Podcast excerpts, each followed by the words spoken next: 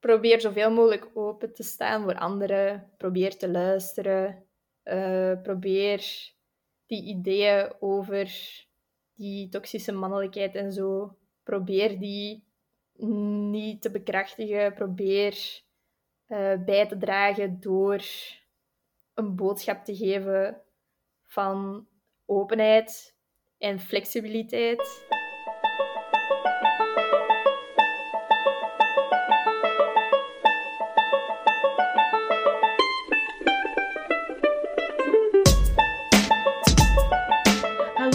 Zalige mensjes en welkom bij I'm Fine, de podcast waar wij belangrijke onderwerpen bespreken die niet zo vaak besproken worden in het dagelijks leven.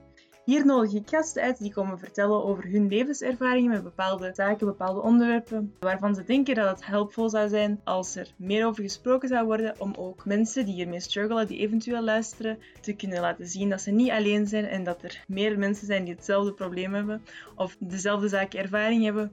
We hopen een vonk te zijn die gesprek in gang kan zetten in het dagelijks leven van de mensen die luisteren en hopelijk ook andere mensen, zodat deze onderwerpen meer besproken worden en zodat er meer aandacht voor kan zijn. Ik hoop dat jullie van genieten en laten we er dan maar meteen in vliegen. Woehoe!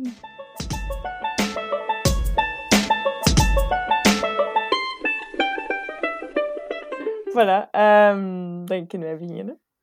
Uh, welkom Erin. Hallo. welkom op de podcast. Um, voor de mensen die jou nog niet kennen, stel jezelf eens voor. En wat je doet in het leven, wie je bent. Um, ja. Mijn naam is dus Eline. Uh, ik ben studenten seksuologie. Ik heb zelf al een master klinische psychologie. Um, en voor de rest uh, ben ik onderwijsassistent bij faculteit Psychologie en Pedagogische Wetenschappen en faculteit Geneeskunde als topstudent. En ik werk ook in een koffiebar en ik schrijf ook af en toe iets voor het studentenblad Veto. Ja, en dat is uh, exact waarom dat je hier bent. dat klopt. Ja, dus ik denk vorige week, was het vorige week, dat Veto een artikel had uitgebracht waarvan jij een mede-auteur was. Ja. Um, dat ging over... Wat was de titel? Uh, de titel dat hebben we een aantal keer gewijzigd eigenlijk, dus dan een tijd verlies ik zo um, de dingen. Ik denk dat het uiteindelijke titel is geworden uh, Trekt een pilletje hem recht. Mm, yeah. uh, dat dat de uiteindelijke titel is geworden, maar dus een artikel over uh, erectiestoornissen bij jonge mannen, naar aanleiding van een wetenschappelijk onderzoek dat was gepubliceerd door Gunther de Win. Gunther de Win is een uroloog en die had dus uh, bij zijn onderzoek eigenlijk gevonden dat het percentage van erectiestoornissen bij jonge mannen gestegen bleek te zijn. Uh, en los daarvan had hij ook een interessante band gevonden, uh, een interessant verband gevonden tussen die stijging en problematisch pornogebruik. Oké. Ja, en ik zag het artikel en ik dacht van... ik wil deze persoon echt op de podcast. Um, want dat is een vrij onbesproken onderwerp, een vrij taboe onderwerp. Ik heb het gevoel om over seksualiteit bij jongens te praten, mannelijkheid, um, pornogebruik. En dus ik ben blij dat jij hier bent vandaag, Eline, om dit met mij helemaal te deconstrueren. ik ben ook blij dat ik hier ben. okay. um, ja, dus dat, uh, dat onderzoek werd gepubliceerd. En wat bracht jou dan ertoe, of jou en je co-auteur er dan ertoe om dat artikel te schrijven? Wat waren ja. jullie schrijfveren? Dus eigenlijk, um, ik had eigenlijk een beetje over dat artikel gezien, dus ik had daar zelf eigenlijk, was ik mij daar niet zo bewust van, mm-hmm. uh, totdat de redacteur-student uh, mij had aangesproken in verband daarmee, om mij zo al wat vragen te stellen. En ze had het artikel ook naar mij doorgestuurd en zo, wat denk je daarvan? En ik zou daar graag iets over schrijven maar ik weet niet hoe, hoe en wat. En jij weet daar toch wel wat meer over dan ik, dus misschien kan je helpen. Um, en dus dan heb ik dat artikel ook gelezen en zo. En ik was dan in het begin al wat sceptisch, omdat uh, wij leren ook wel in onze opleiding dat we heel kritisch moeten kijken naar wat er in de media komt rond mm -hmm. seksualiteit, omdat dat vaak ja, heel simplistisch eigenlijk wordt voorgesteld. Dus dat um, wetenschappelijk onderzoek in het algemeen, maar zeker als het over seks gaat, dat ze zo heel ja, een duidelijk antwoord willen en dat ze dan heel hard zijn van dit leidt tot dat. En meestal is dat niet zo simpel als dat. Ehm, en dus dan zei ik ook van, ja, ik wil zeker meewerken en ik wil ook zeker hè, dat artikel is, is lezen, kritisch bekijken. Ehm, en dan samen uh, met een van mijn proffen daar ook eens over gaan en zien wat dat zij daarvan zeggen, wat dat zij daarvan vinden. Uh, om, om ook gewoon wat wetenschappelijke en methodologische kritiek te geven op dat artikel. Um, dus ja, en zo zijn we ertoe gekomen om dat eens in de veto te brengen. Ja. Ja. ja ik, ben, ik, ik, was super blij toen ik dat zag. Wel, super blij niet om, om de problematiek, maar gewoon omdat het aangekaart werd. Uh, en ja, een van, een van de, wat, wat, wat ironisch is waar we het juist over hebben gesproken, is dat jij nu ook een meisje bent dat er hierover komt vertellen. Ja, dat is inderdaad... Uh, ja, we hebben het er al over gehad. Hè? Zo van, eigenlijk wel grappig dat, dat ik daarover kom praten, omdat dat eigenlijk een beetje mee het probleem precies is, of het probleem mooi illustreert, dat, dat ik hier zit en dat hier um, ja, geen jongen zit of, of gewoon iemand met een penis of iemand die zich als man identificeert. Um, ja, dat, dat illustreert toch wel inderdaad dat er bepaalde ideeën zijn rond mannelijkheid, rond seks, uh, rond porno, die toch wel iets van schaamte of zo opwekken um, bij mannen. Ik, ik ben voorzichtig met mijn woorden, want ik wil niet voor alle mannen spreken of zo. Ja, um, maar ja, dit, dit illustreert ook wel inderdaad een beetje het probleem waar we het vandaag over gaan hebben. Het, het stigma, inderdaad. Ja. ja. Oké. We horen nu veel in de media en overal eigenlijk over uh, toxische mannelijkheid. En ik dacht van, misschien kunnen we eens om te beginnen, want dat heeft veel gevolgen op mannelijke mentale gezondheid. En um, ik vroeg me af of we misschien even konden zeggen van, wat, wat is dat eigenlijk? Mm. Ja, dus toxische mannelijkheid is inderdaad zo een van die begrippen die heel veel mensen gebruiken. En dat wordt in het rond gegooid, maar ik denk dat als ik nu aan veel mensen de vraag zou stellen, wat is volgens jou toxische mannelijkheid, eh, dat het moeilijk zou zijn om zo een concrete definitie te geven of zo exact te omschrijven van uh, over wat gaat het nu eigenlijk precies. Uh, ik denk wel dat mensen makkelijk voorbeelden kunnen geven van oh, dit geval is, is een geval van toxische mannelijkheid. Maar dat het eigenlijk moeilijk is om te gaan naar wat is nu de kern eigenlijk van toxische mannelijkheid. Uh, ik heb zelf ook wat opzoekwerk gedaan mm daar rond, uh, omdat dat ook voor mij een begrip was dat ik kende en een begrip was waar dat ik wel bepaalde voorbeelden of zo bij zou kunnen geven, maar ook weer dat ik zo niet echt een idee had van, maar wat is nu de definitie, wat is nu het abstracte, een abstracte omschrijving van dat fenomeen. En um, uit wat dat ik heb gevonden, kom ik eigenlijk op het volgende is, is dan dat ik het vooral zie, uh, die toxische masculiniteit, uh, mannelijkheid, dat ik dat vooral zie als um, een soort van inflexibiliteit in de genderrol.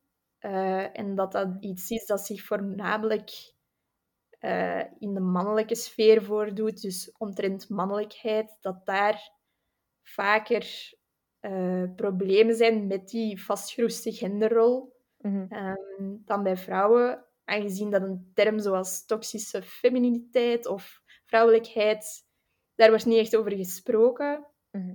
Ehm, dus ik denk dat dat ook wel iets wil zeggen, dat, dat, dat enkel die toxische mannelijkheid zo precies een ding is. Mhm. Ehm, en dat het dan ja, inderdaad gewoon vooral gaat over inflexibiliteit in de mannelijke genderrol. Uh, en dat dat er dan voor zou zorgen dat in extreme uh, mannen daar inderdaad wel last van kunnen ondervinden of in een bepaalde richting worden geduwd, um, waar dat ze misschien niet helemaal authentiek zichzelf zijn. Um, dus dat is een beetje hoe dat ik het zou samenvatten. Maar het is ook wel een term die zo ontstaan is door ophef en sociaal ja, wat ontstaan is hè, door, door construeren van betekenissen. En, hè.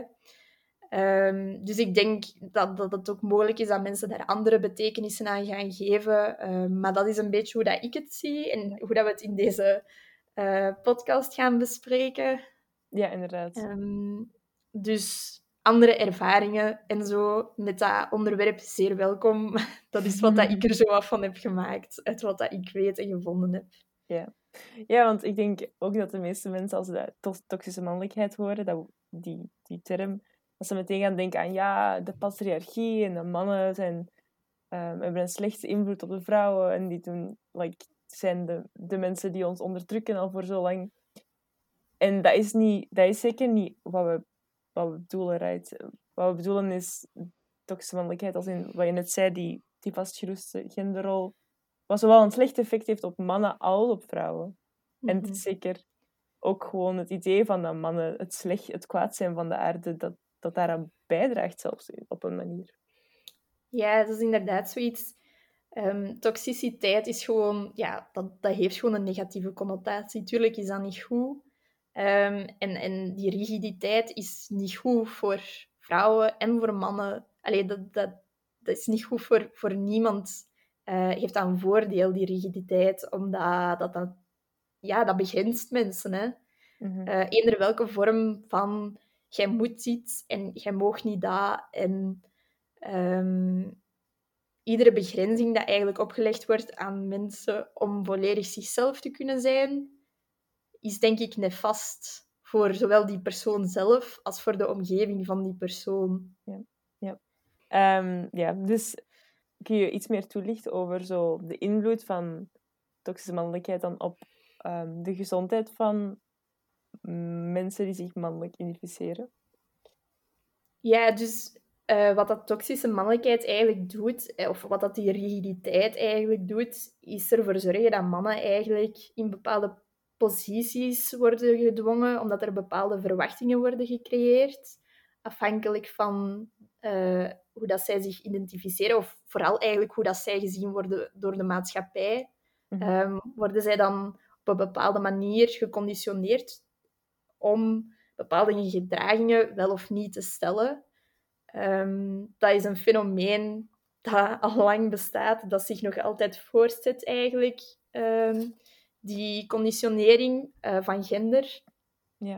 Um, op zich niet per se problematisch, maar wel als het zo die rigide vormen aanneemt, dan kan je wel echt zeker stellen uh, dat dat wel problemen kan opleveren, omdat het dan eigenlijk personen niet meer toestaat om Um, ja, omdat bepaalde gedragingen eigenlijk precies verboden worden. Of bepaalde zaken aanhalen of bespreken. Um, u op een bepaalde manier gedragen, u op een bepaalde manier opstellen. Mhm. als, het, als je het gevoel krijgt dat die dingen verboden worden of bestraft worden. En, en bestraft en verboden, uh, dat, dat klinkt dan altijd zo precies of iemand gaat geslagen worden of iemand zegt nee, je mocht dat niet doen. Um, maar het, het, allee, zeker bij die genderrollen uh, wordt dat vaak bestraft op eigenlijk een van de beste manieren om dingen sociaal te bestraffen. En dat is door iemand uit te lachen, door iemand te pesten, door iemand uit te sluiten. Um, dus dat is ook een manier uh, waarop dat gedrag geconditioneerd wordt, is doordat mensen u repertoire gaan eigenlijk begrenzen door, als je bepaalde gedragingen stelt, je, je uit te lachen of te zeggen dat dat niet mag of eender wat. En dat beperkt eigenlijk je repertoire. En dus hoe dat die toxische mannelijkheid dan eigenlijk bijdraagt aan uh, psychische problemen uh, bij mannen, is dan vooral ja, het idee dat mannen zich niet zwak of kwetsbaar mogen opstellen. Mm uh, dus dat dat iets, als iets wordt gezien dat niet mannelijk is of iets dat niet bespreekbaar is. Ehm, en het is ook iets. Toxische mannelijkheid is ook niet iets dat binnen een individuele wereld of zo zich afspeelt, dat enkel binnen het individu zit, maar dat zit vaak ook in een, binnen een context. En doordat dat ingebed is in die context, worden mensen niet enkel vastgezet in hun eigen gedrag, maar zien zij ook weinig ander gedrag dan dat en denken zij, dit is de manier waarop dat de wereld functioneert en dit is de manier waarop ik mij zou moeten gedragen. Ehm, maar dat kan dan inderdaad wel eens botsen met hoe dat je echt voelt. Ja. En als er echt iets is, ehm, weten sommigen dan ook niet zo goed wat dat ze daarmee moeten doen. Want ze zouden überhaupt volgens dat beeld die gevoelens niet mogen hebben. Dus Mhm. als je die hebt, weten ze ook vaak niet waar moet ik daar nu mee naartoe of wat moet ik daar nu mee doen. En ehm, wat dat we ook zien in de psychiatrie, ehm, is dan ook vaak dat mannen met zo van die gevoelens, eh, van, van ja, depressieve gevoelens eigenlijk, dat mannen daar op een andere manier mee omgaan vaak dan eh, vrouwen. Dus ehm, we maken het onderscheid tussen zo externaliserend gedrag en internaliserend gedrag. Dus externaliserend gedrag ehm, is eigenlijk eh, acting out. Dus in plaats van na te denken, Mhm. eh, gaan, gaan ze sneller gedrag stellen. Dus je voelt je slecht, eh, je drinkt. Je voelt je slecht, ehm, je, je hebt seks of zo. Allee, dus het, het is vaak zo van... Dat gevoel mag er niet zijn en ik moet zo snel mogelijk iets anders doen om dat gevoel weg te duwen of te overheersen. En, en dat is eigenlijk wat dat we zien bij mannen, is dat zij vaak op die manier... Allee, dat is natuurlijk stereotyp, want er zijn natuurlijk ook genoeg mannen die meer internaliserend met die problematieken gaan omgaan. En internaliserend is dan piekeren, nadenken, wakker liggen, dromen. Dus dat is meer intern met die problematiek omgaan. Ja. Ehm, maar als we dan zien dat, dat, ja, dat, dat de cijfers van alcoholmisbruik, van suïcide en al die externaliserende problematieken, dat dat veel hoger ligt bij mannen dan bij vrouwen, dan kunnen we inderdaad daar toch ook wel iets uit afleiden van ja, mannen die, die, die weten niet wat ze daarmee moeten doen. En ja, wat, wat, ja, dan wordt zo precies aangeraden van doe dan maar iets. Allee, zo, doe dan maar iets, iets agressief en, en iets... Eh, en dan ja, dat drinken en dan allee, al, al die externaliserende gedragingen, ook gewoon geweld en zo in het algemeen, agressief worden, eh, vechten, ehm, vandalisme. Eh, dat, dat, dat zien we ook veel meer bij mannen dan bij vrouwen. Dus dat illustreert inderdaad allemaal zo dat er een trend is precies van als man ga je daar zo mee om en als vrouw ga je daar anders mee om. Ehm, en dat het, dat het er dan ook toe komt dat, ja, dat, dat mannen beschuldigd, allee, terecht vaak, want die maken dingen kapot of die doen dingen die niet verantwoordelijk zijn. Of, ehm, maar dan komt het er vaak toe dat die mannen dat op een compleet andere manier uiten dan, dan vrouwen. En dat zorgt er dan ook wel voor uh, dat zij veel minder snel geholpen gaan worden uh, bij problemen, bij mentale problemen, uh, vaak dan vrouwen, omdat zij dat zodanig uitstellen totdat het eigenlijk zo erg is geworden dat ze een poging hebben gedaan of dat ze compleet Lazarus in het ziekenhuis terechtkomen en dat ze dan eigenlijk pas worden doorverwezen um, naar psychiatrie en dat ze daar dan hun eerste gesprek hebben en dat er dan boven komt dat die al jaren depressief zijn en dat het echt niet goed gaat um, en dat ze eigenlijk daar nog nooit over hebben gepraat. Ja. En bij vrouwen is dat iets dat we veel minder zien, dat dat zodanig moet escaleren voordat die eigenlijk hun weg vinden uh, naar hulp. Ja. En dit, dit dan eigenlijk als gevolg van die toxische man mannelijkheid, omdat, mannen, omdat er van mannen verwacht wordt om hun emoties weg te steken en dat dan bijvoorbeeld op een, ex, op een externe manier te, ja. te ja. op, op te lossen, zogezegd. Ja. ja, dus het is ook wel belangrijk, denk ik, bij toxische mannelijkheid om te benadrukken dat, uh, quote-unquote, mannelijkheid en quote-unquote vrouwelijkheid allebei geen slechte dingen zijn. Mm, nee. uh, en dat dat ook niet is van... Als vrouw kun je alleen vrouwelijke eigenschappen hebben. Als man kun je alleen mannelijke eigenschappen hebben. Iedereen heeft een mix van die eigenschappen. En in bepaalde situaties komen sommige eigenschappen meer boven dan andere eigenschappen. Ehm, dus dat is allemaal heel individueel bepaald en heel variabel. Ehm, maar bij die toxische masculiniteit zien we dan eigenlijk dat die mannelijke trekken compleet overhand nemen en dat er geen ruimte is voor die quote-unquote meer vrouwelijke eigenschappen. Ehm, en daardoor ja, wordt uw gedragsrepertoire uh, beperkt, wordt uw repertoire om met dingen om te gaan, dus uw copingstrategieën worden beperkt uh, door de verwachtingen die dat er heersen van buitenaf. Er wordt niet van u verwacht dat jij praat over je problemen. Er wordt verwacht dat jij je daar gewoon over zet en dat je gewoon verder gaat met je leven, alsof dat er niks aan de hand is. Mhm. Ehm, de, er wordt van u verwacht dat, jij, eh, ah, dat je gewoon eens een slechte dag hebt en dat je niet zo zielig moet doen. Mm omdat je gewoon verder moet gaan. Ja, uh, ja dus dat, dat, creëert inderdaad wel verwachtingen ten opzichte van mannen. En dat zorgt er ook gewoon voor dat mannen minder goed om kunnen met bepaalde problemen of bepaalde gevoelens.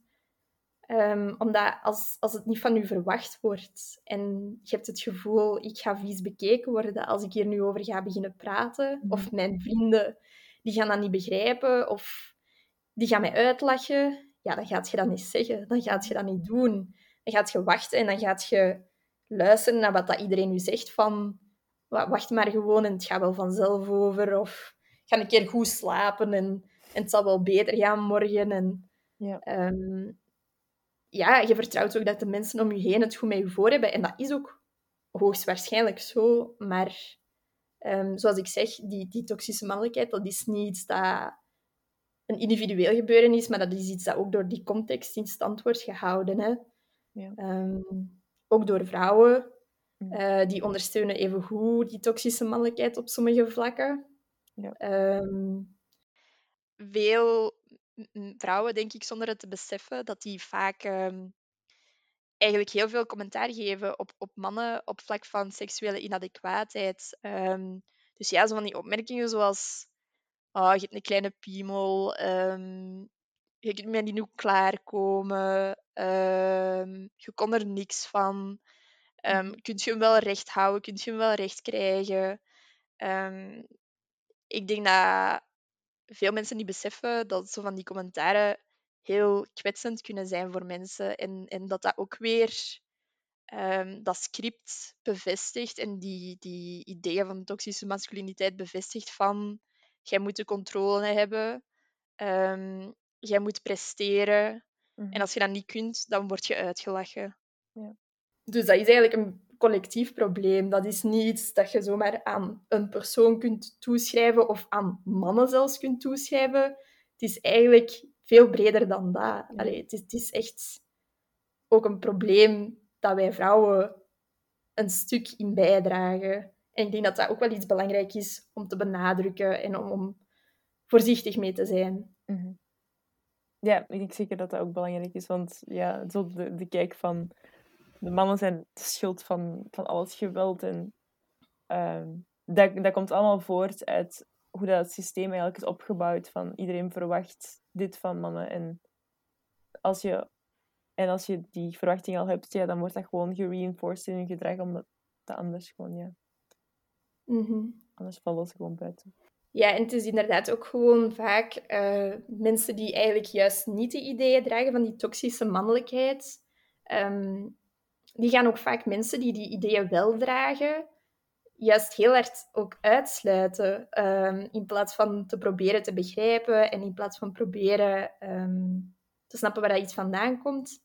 Uh, wat ik ook wel snap natuurlijk, want ja, ja het, is, het, is, het, is, soms, het is soms moeilijk om, om open te staan. Zeker als ideeën die bepaalde mensen hebben totaal niet rijmen met wat, dat, wat dat jij denkt. Maar ik denk dat het inderdaad ook wel zo is dat dat, dat zij daardoor ook niet echt in contact komen met andere kringen, omdat zij daardoor, omdat zij die kringen vijandig benaderen, maar die kringen hen even goed eigenlijk op een vijandige manier benaderen. Ehm, en ja, daar mist de dialoog soms een beetje natuurlijk. En, en ik denk dat dat ook wel een stuk bijdraagt aan het probleem. Um, dat er zo ja, heel veel polariteit is, maar gewoon algemeen in de samenleving. Maar dat is misschien zo'n hele metakritiek zo ineens.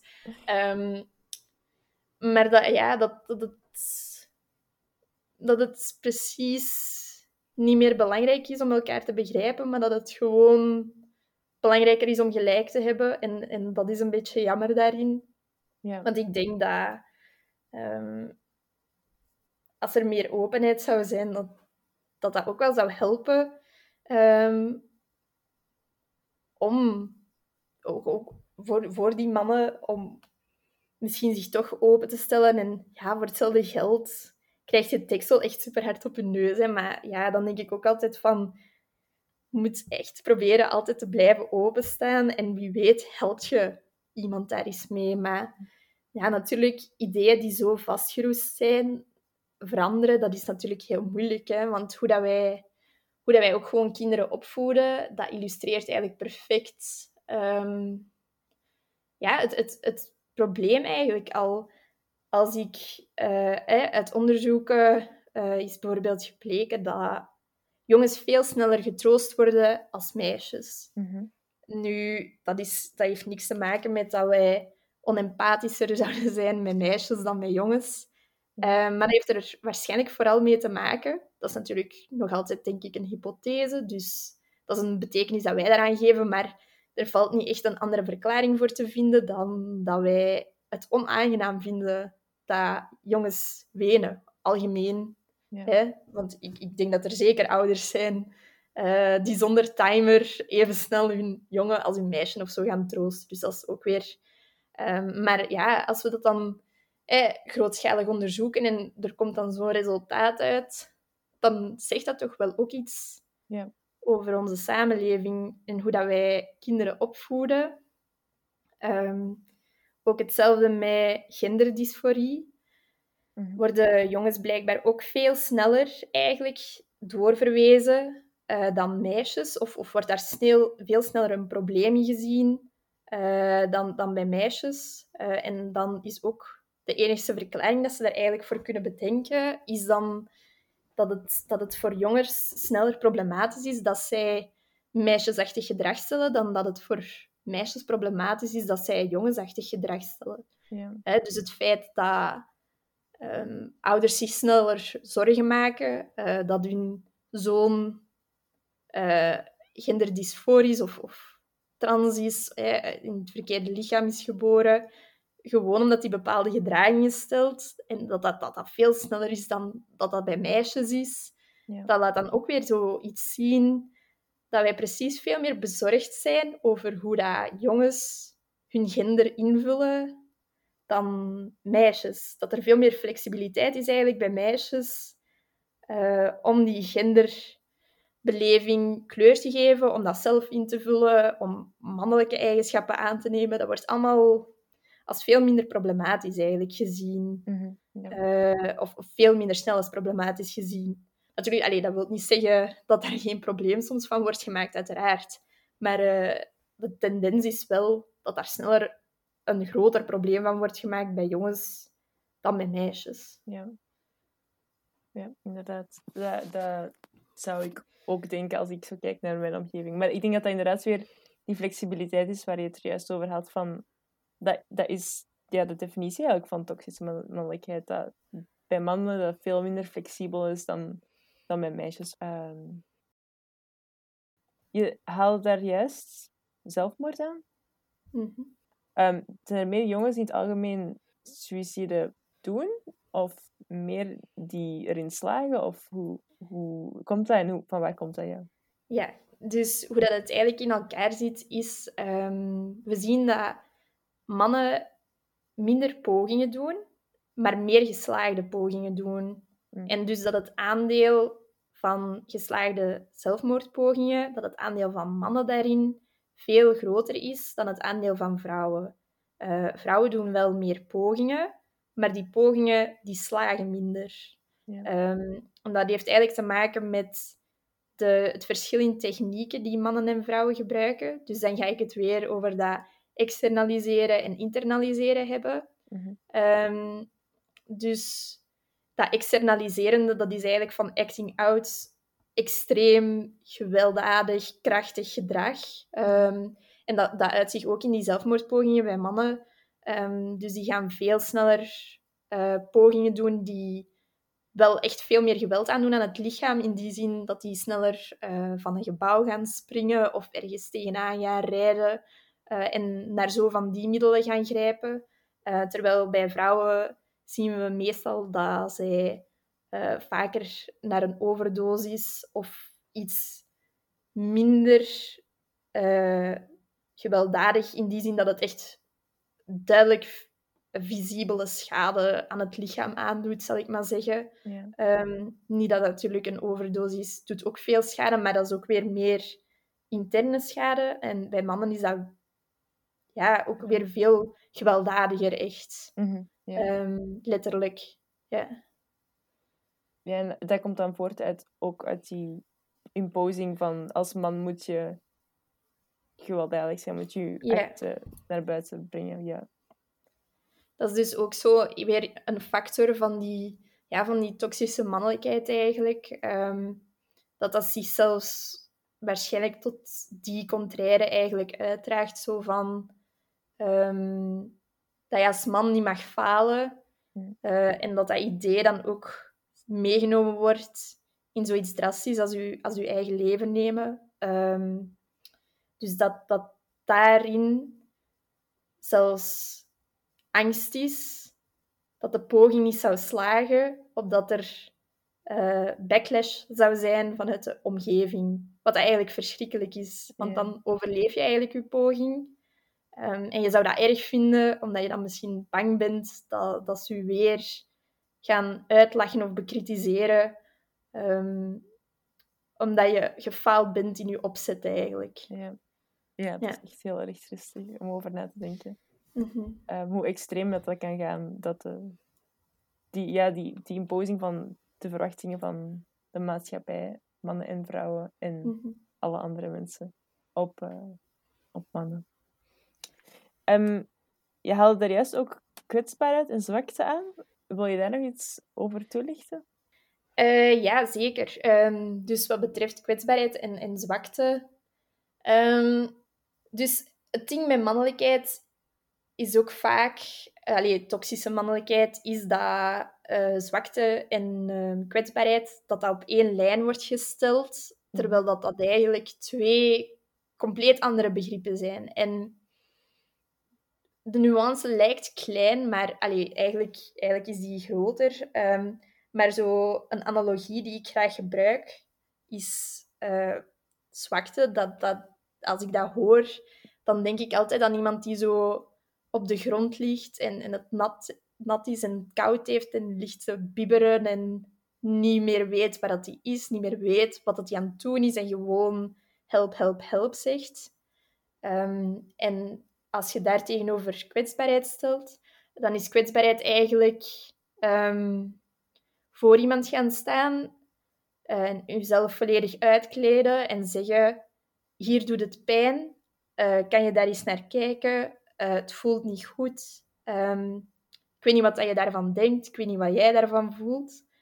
Maar ik weet mijn waarheid en ik durf die aan jou te laten zien. En wat jij daarvan denkt, kan ik ook gewoon erbij nemen. Maar ik weet wel hoe dat het ongeveer zit. En, en ik, ik durf hulp vragen en ik durf verantwoordelijkheid nemen voor mijn fysieke en mentale gezondheid.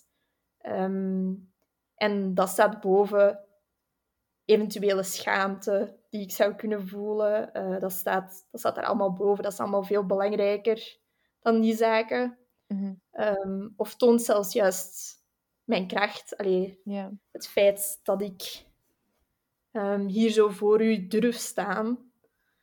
Terwijl dat jij mij makkelijk ja, op die manier de grond in zou kunnen boren. Um, en allee, dat vergt dus eigenlijk ook wel een soort van vertrouwen naar de omgeving toe, hè, om je zo te durven opstellen. En als je natuurlijk vanuit je omgeving de verwachting hebt, als ik mij zo opstel, dan lachen ze mij gewoon uit. Of dan, mhm. ja, dan word ik gewoon de grond ingeboord of uitgesloten. Of dan ga je dat niet doen. Mhm. Terwijl als je de verwachting hebt van, uh, dit gaat... Ik ga geholpen worden en dit, mijn authenticiteit gaat geapprecieerd worden, dan denk ik dat je dat natuurlijk veel sneller gaat doen als het nodig is. Ja, inderdaad. En dat is dan in de context van ehm, als, het, als, je, als je als man iets, iets niet goed voelt, dat je niet dat je kwetsbaar kunt opstellen om, om geholpen te worden in plaats van het dan met externe factoren uh, te onderzoeken. Ja, want wat er dan eigenlijk vaak gebeurt is dat, uh, allez, in, in verband met die toxische mannelijkheid dan, want ik denk dat er zeker genoeg mannen zijn die dat makkelijk zich kwetsbaar kunnen opstellen. Mm maar wat er dan gebeurt is eigenlijk dat, uh, ja, dat je dat niet doet, dat je dat uitstelt en dat je wacht tot het zo erg wordt dat je eigenlijk de controle niet meer hebt. Controle is natuurlijk ook weer zo'n woord. Zo precies of dat je het allemaal in de hand hebt en als het allemaal zo simpel is, dat is natuurlijk ook niet zo.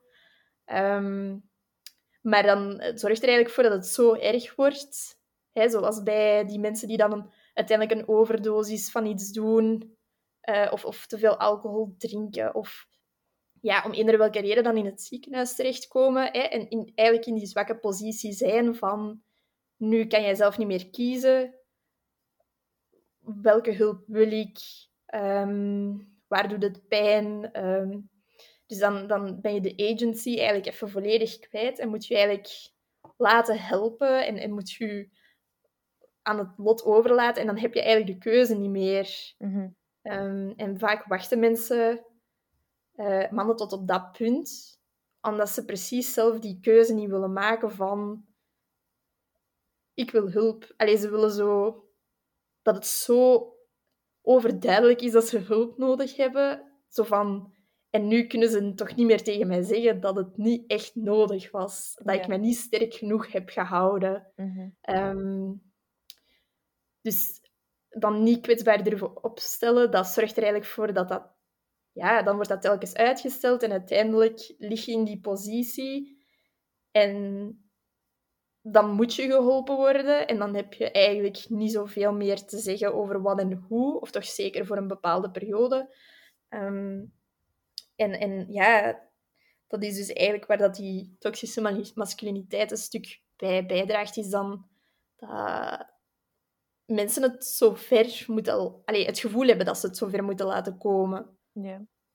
Of zelfs niet daar bewust mee bezig zijn, maar dat dat gewoon gebeurt en, en dat ze dan op dat punt zijn en ja, dat ze zich dat, zelfs dan soms nog schamen en, en zoiets hebben van oh, ik zou geen hulp moeten hebben of ik zou, ja... Of ja, of ik had beter sterk genoeg geweest of zo, mhm. ja.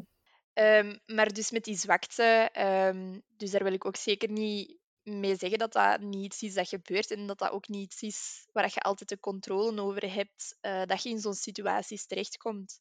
Um, en ik denk ook dat die verantwoordelijkheid, ja, dat doelt eigenlijk vooral ook op een verantwoordelijkheid om, om op tijd in te grijpen en op tijd voor jezelf te bepalen van oké, ik, ik krijg het allemaal niet zelf meer op een rijtje en er is gewoon hulp van buitenaf nodig. Of dat dat nu familie is, vrienden, kennissen uh, of meer experthulp, dus uh, psychologen, psychiaters, uh, medicatie, eender wat. Um, dus die zwakte, dat is zeker ook niet iets um, dat je ten alle kosten moet en kunt voorkomen. Mm -hmm. um, het gaat er vooral om die verantwoordelijkheid dat je ook op die momenten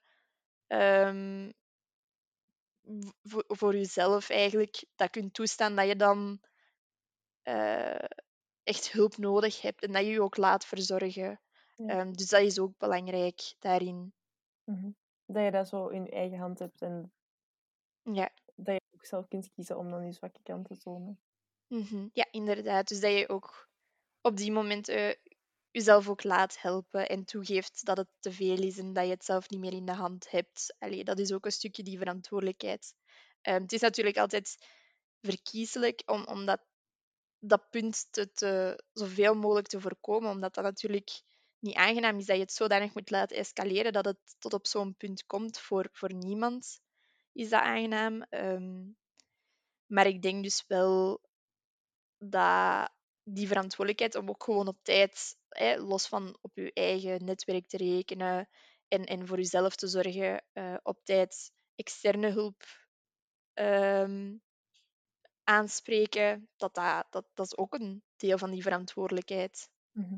Ja, maar ja, inderdaad. Maar ja, inderdaad, die zwakte die dan eventueel zou komen, is ook niet per se iets slecht. Dat is gewoon... Nee, dat is, ja, dat is gewoon een, een optelsom van al die uh, momenten waarop dat je voelde, ik heb eigenlijk iets nodig en dat je negeerd hebt en dan komt dat tot op een, dieptepunt. En ja, dat, dat is even valide en dat kan, dat kan gebeuren. En dat moet je ook gewoon uh, jezelf laten helpen. Dan is het inderdaad misschien niet zozeer meer uh, jij die veel bewuste keuzes maakt. Um, dat hoeft ook niet per se, maar meestal is het dan inderdaad wel zo wat echt u laten verzorgen en u laten helpen. Meer dan dat je actief zelfhulp gaat zoeken. Um, maar dan is het ook weer belangrijk om uh, dat ook gewoon een stuk te laten gebeuren en jezelf het te gunnen om geholpen te worden. Mhm. Ja, ik denk ook dat dat um, misschien wel iets goed is om over na te denken als je in die positie zit, omdat je dan bent van, ga ik nu zelf met kwetsbaar opstellen tegenover bijvoorbeeld een professionele hulpverlener. Um, en dan vermijden dat ik zo hulpeloos word en in het ziekenhuis terechtkom. Dat ik zo van mijn controle eigenlijk beroofd word, omdat ik dan het zelf niet meer kan. Of ga ik nu die verantwoordelijkheid, quote-unquote, eigenlijk nemen om voor mezelf te mhm. zorgen. Die zelfzorg is ook een groot ding daar. Ja, inderdaad. Ja, inderdaad. Zo ook verantwoordelijkheid is misschien een beter woord als controle, want dat geeft dan zo het idee alsof je daar allemaal zomaar vat op hebt. En dat is gewoon niet zo. Mhm. Ehm, maar wat... Allee, je hebt wel altijd een verantwoordelijkheid naar jezelf toe. En dat klinkt voor veel mensen vaak heel dubbel. Uh, zeker in verband met zelfzorg denk ik dat veel mensen zoiets hebben van hoezo verantwoordelijk zelfzorg? Um, zelfzorg is dat niet gewoon een beetje doen waar je dan zin in hebt en wat, dat je, wat dat je wilt. Ehm, en ergens is dat zo, maar dat beperkt zich niet daartoe. Um, het is ook een stuk, zelfzorg is ook een stuk verantwoordelijkheid nemen en ook soms dingen doen die dat je eigenlijk liever niet zou doen. Dus dat zijn echt dingen zo van, ik voel me echt heel slecht en ik zou gewoon eigenlijk de hele dag in mijn bed willen liggen. Ehm, maar ik ga toch opstaan. Uh, omdat ik weet dat, dat ik mij niet beter ga voelen. En ik ga even wandelen, omdat dat goed is voor mijn lichaam. Mhm. Eh, of ehm, ik heb geen honger, ja, maar ik ga toch eten, omdat ik weet dat ik vandaag nog niet zoveel heb gegeten. En misschien voel ik mij daarna dan wel wat beter. Uh, maar weer, ik heb, ik heb een stuk die verantwoordelijkheid. Ik, ik, ik moet mezelf dat geven. Allee, ja. Dat je jezelf eigenlijk soms niet meer als jezelf ziet, maar echt gewoon als een persoon waarvoor dat je zorgt. Ja. Um, een persoon waarvoor dat je verantwoordelijkheid hebt. Ik, leg niet graag de analogie met een huisdier, omdat dat dan zo misschien een mhm. beetje raar is. Maar, um, maar natuurlijk, ja, een huisdier, dat is natuurlijk... Daar kies je dan weer wat meer voor. Terwijl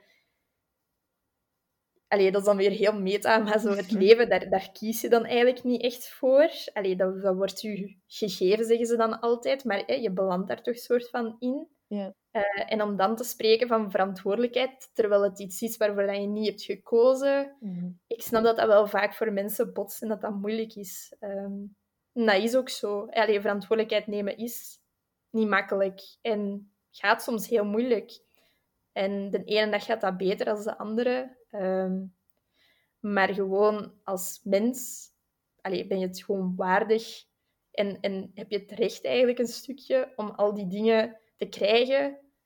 En daarom moet je ook die dingen aan jezelf geven. Allee, dat, is, dat is heel abstract misschien, maar ik hoop dat het een beetje duidelijk overkomt. Ja. Ehm, maar dus ja, heeft met kwetsbaarheid en verantwoordelijkheid en die dingen te maken. En denk ook dat veel mensen ja, die zaken zo, zeker dat woord controle, daarom was ik zo van, hmm, dat is misschien niet helemaal een goed woord, omdat ja, dat is dan weer zo, in associatie met die, met die toxische mannelijkheid. Zo van, je moet altijd de controle hebben en je mocht de controle niet verliezen en je moet altijd de sterkste zijn en um, maar ik denk dat controle niet zozeer gaat over...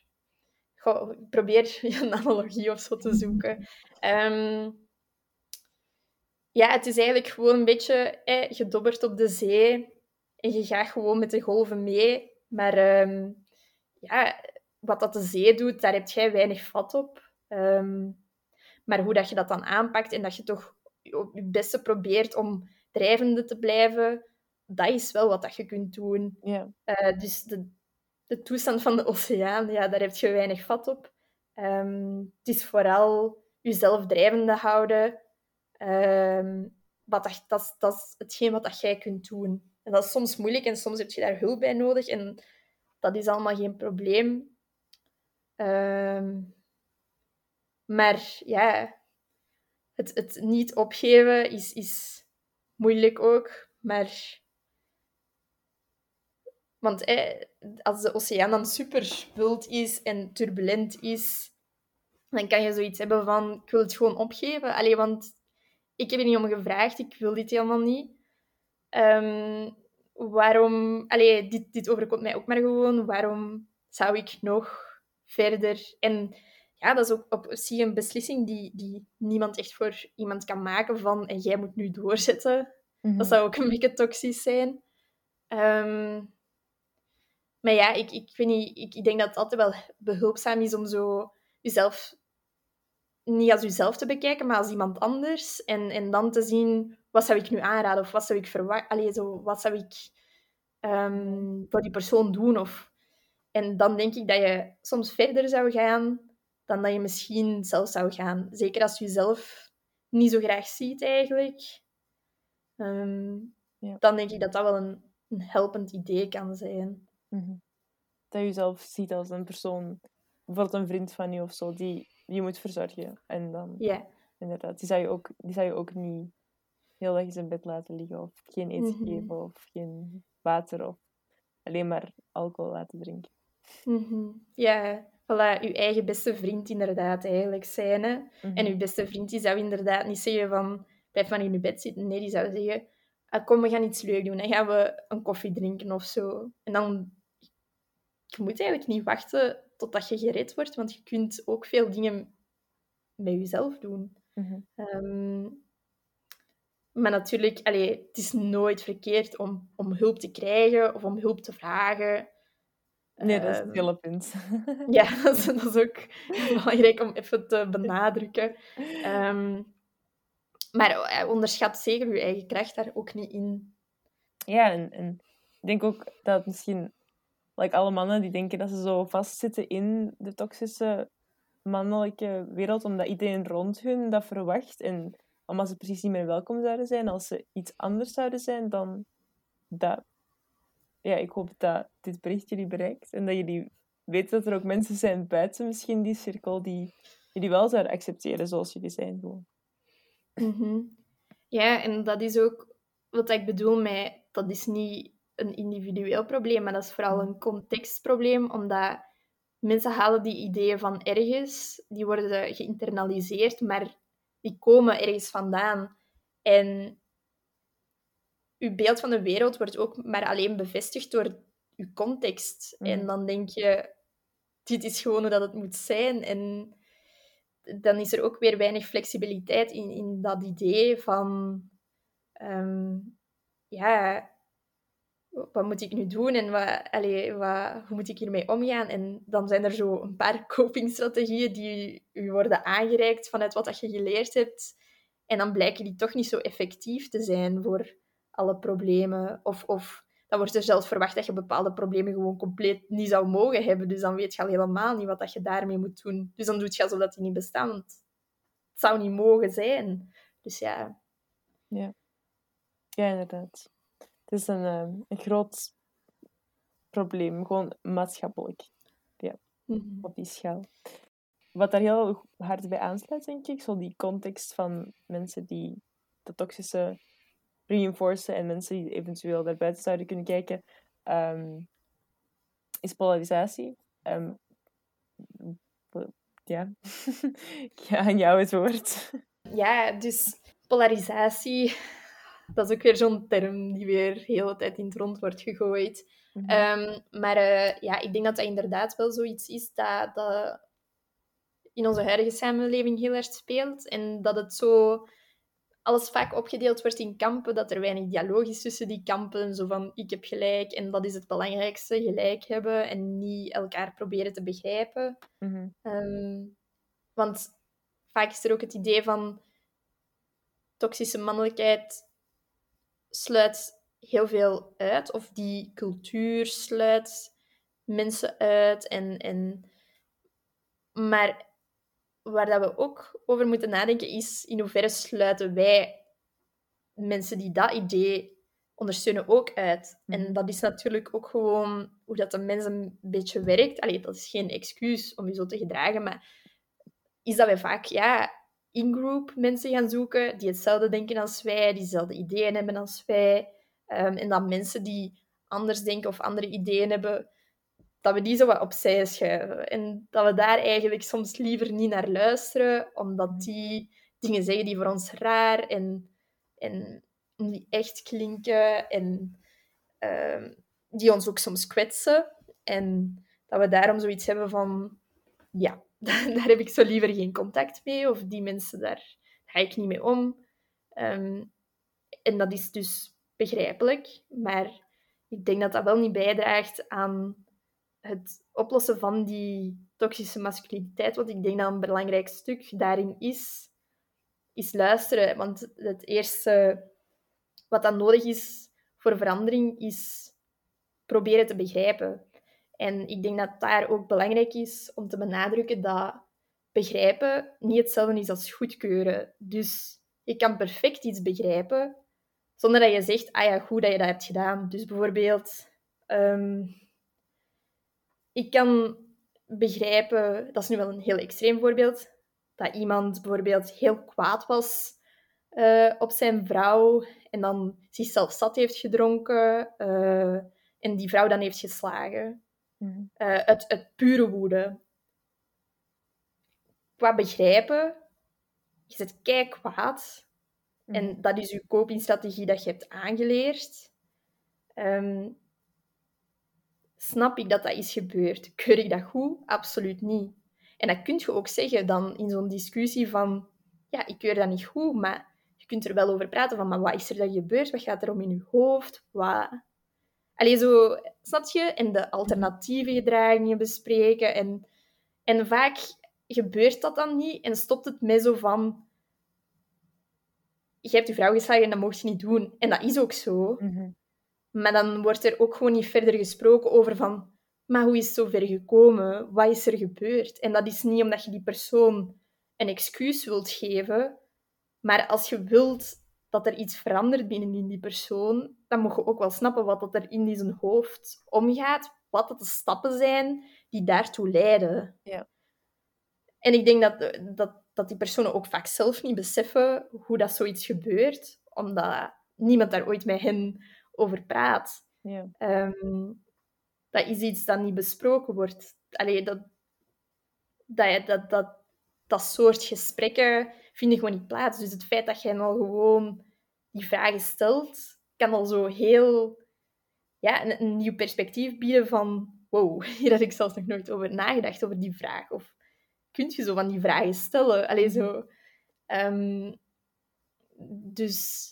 Allee, in dat verband denk ik dat het wel echt belangrijk is dat je een onderscheid maakt tussen begrijpen en um, goedkeuren. Ja. En uh, ik denk dat te veel mensen denken dat dat, dat synoniemen zijn. Dat is absoluut niet waar. Mm um, maar wat dat ik heb geleerd ook tijdens, tijdens mijn stage, is wel heel veel van... Uh, in hoe, allee, dat, je, dat je eigenlijk heel veel dingen perfect kan begrijpen. Allee, dat, je, dat je jezelf nooit zoiets zou zien doen, dat je daar ook totaal niet mee akkoord bent wat er is gebeurd of zo. Ehm, maar dat je, dat je wel je moeite kan doen om dat te begrijpen. En dat dat voor mensen eigenlijk zoveel doet. Ehm, het feit dat jij de tijd neemt om te snappen wat dat er is gebeurd. Ja. Ehm, en ja, dat, dat, dat het dan voor hen ook veel helderder wordt wat er is gebeurd en hoe dat ze dat mogelijk kunnen voorkomen. En ja, niet, dat, niet, dat, niet dat anderen natuurlijk verantwoordelijkheid hebben om iemand te veranderen mhm. of uh, verantwoordelijkheid hebben om te luisteren als dat dingen zijn die u, voor u moeilijk liggen of heel kwetsend zijn. Ja, het is niet uw verantwoordelijkheid om altijd iemand anders zijn problemen te gaan oplossen. En om, om ja, zeker als het om zo van die ernstige dingen gaat, zo bijvoorbeeld partnergeweld en zo.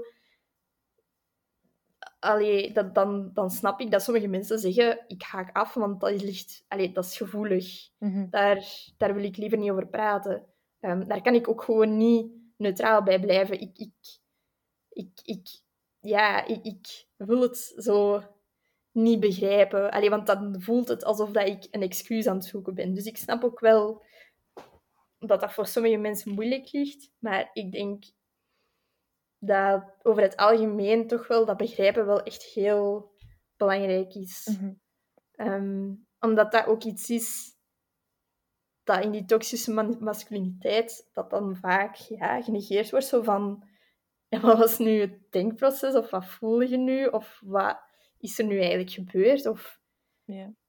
Um, in die toxische masculiniteit is het ook vaak een cultuur van ja, handelen en dan wordt dat bestraft of beloond. En alle processen dat tussen ehm, voelen en handelen liggen, dus het hele denkproces, dat, dat wordt gewoon achterwege gelaten. Um, daar wordt niet bij stilgestaan van wat wil dat nu zeggen over wat dat je hebt geleerd, wat wil dat zeggen over u. Daar, daar wordt zo niet echt verder op ingegaan. Mhm. Ik denk ook zo, wat je, wat je zegt inderdaad, van dat begrijpen. Als je gewoon mensen die iets slecht doen, zo gezegd, gaat afblokken en gaat bestempelen als je bent een slecht persoon en ik wil niks met je te maken hebben, dan ja, inderdaad. Zoals je zegt, dan, dan, dan kan die persoon nooit blootgesteld worden aan nieuwe ideeën en dan gaat hij gewoon verder blijven doen zoals hij al bezig was. Uh, terwijl als je die probeert te begrijpen en er gesprek mee probeert te voeren en niet per se meteen afblokt en uitsluit, dan wie weet kan die persoon dan wel vertellen van, ah ja, ik voel me ook al zo lang niet goed of zo. En dat is geen excuus inderdaad, zoals je zegt, maar dat kan wel helpen met dat gedrag te minimaliseren. Mhm. Ja, dat is inderdaad, dat is zo een van die dingen die, die wel belangrijk zijn, denk ik, in deze discussie, is inderdaad ook zo ja, dat, dat er soms echt weinig gesproken wordt en dat gedrag gewoon zo in goed of slecht wordt gestoken. En mhm. dat dan zo alles wat dat daar vooraf aan is gegaan en de intentie en al die zaken, dat doet er niet toe. En er, er, allee, er is genoeg gedrag dat niet allee, excuseerbaar is op geen enkele manier. Dat, is, dat staat vast. Maar het vergt inderdaad moeite om daaraan voorbij te gaan en toch te proberen begrijpen hoe dat die dingen dan zijn gebeurd en hoe dat, dat tot stand is gekomen. Mhm. Maar dat is de kern. Allee, dat is juist heel belangrijk uh, in het bestrijden. Is waarom zou iemand naar u luisteren als jij niet naar hem luistert? Ja. En ehm, gewoon het zich begrepen voelen kan ook gewoon helpen met naar u te luisteren en uw kant te zien. Mhm. En dat is een vaardigheid eigenlijk. Hè? En gewoon het, het, feit dat, dat zij zien, iemand doet dat en hoe doet hij dat? En dan zo, ah, dan ga ik dat ook misschien eens doen. En, en dan gaat die dat misschien mimiken, omdat die dan zelf een ervaring hebben gehad van wow, je begrepen voelen is echt een goed gevoel. En dan gaan die misschien ook tot meer inzichten komen en, en meer gevoelens toelaten. Um, omdat ze daar ten eerste bewust van zijn geworden, doordat mensen openlijk stappen met hen bespreken van wat is hier nu eigenlijk gebeurd. Mm dingen waar dat zij mogelijk nog nooit echt bij stil hebben gestaan of over hebben nagedacht. En dat gaat er ook voor zorgen dat ze dat in het vervolg meer gaan doen, maar ook misschien naar de omgeving toe ook meer gaan voorleggen. ehm, die alternatieve denkwijze of die alternatieve copingstrategieën, alternatieve gedragingen om met dingen om te gaan. Ehm, dus je moet mensen... Ja, je moet mensen niet de kans geven om ja, zichzelf te ex zo een, een, excuus te zoeken of zo, maar mensen de kans geven om fouten te maken. Om echt ook grote, dikke fouten te maken die niet goed te spreken zijn en echt gewoon ja, onrecht hebben aangedaan in iemand anders. Ehm, en ik snap ook dat dat niet voor iedereen... Ja, dat is nu zo ook wel heel extreme voorbeelden. Ehm, maar uh, ik snap ook dat dat, dat, zeker niet, niet gemakkelijk is. En, en ik snap ook dat mensen bij sommige onderwerpen afhaken, omdat ze zoiets hebben van... Allee, het is niet dat ik het niet wil begrijpen, maar het is gewoon te gevoelig of te... En dat is even, even valid. Allee, dat is even valid, maar... Ja, ik, ik, de enigste manier Allee, de enigste, dat klinkt dan ook weer zo heel... uh, maar ik denk dat het wel belangrijk, een belangrijk element van die toxische masculiniteit aanpakken, dat dat juist is dat we tonen dat wij ons ook kwetsbaar opstellen. Ja. En zo van, amai, je kunt mij nu ook echt dik beginnen uitlachen of zo met mijn diepe emotionele vragen. Maar het is ook wel mensen een kans geven um, om zich kwetsbaar op te stellen. Als jij daar naakt gaat staan, mhm. dan, en je vraagt iemand anders, nu moet jij hier ook naakt gaan staan, dan denk ik dat hij meer geneigd gaat zijn als jij inderdaad daar zelf ook maar in je blootje staat, om dat dan ook te doen. Omdat die zoiets hebben van, wow, misschien een besef van zo, mij dat is wel durven, of dat is toch wel straf dat jij dat doet. Yeah. Um, dat dat een soort van bewustzijn toch creëert van, maar jij stelt je zo open en jij loopt het risico om ook gekwetst te worden. En toch vertrouwt jij op mijn goedheid, dat hij daar toch dat hij daar zit, uh, dat ik goed met je ga omgaan. Um, allee, dat, dat, dat, dat dat voor mensen soms wel echt veel kan betekenen. Ja, ja dat geloof ik ook. En ik denk inderdaad ook dat dat een deel is van de problematiek oplossen. Mm Gewoon in plaats van afblokken ook, ook begrip tonen.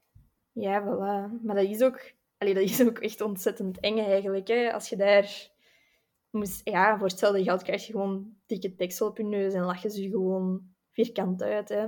Mhm. Dat is een risico, hè.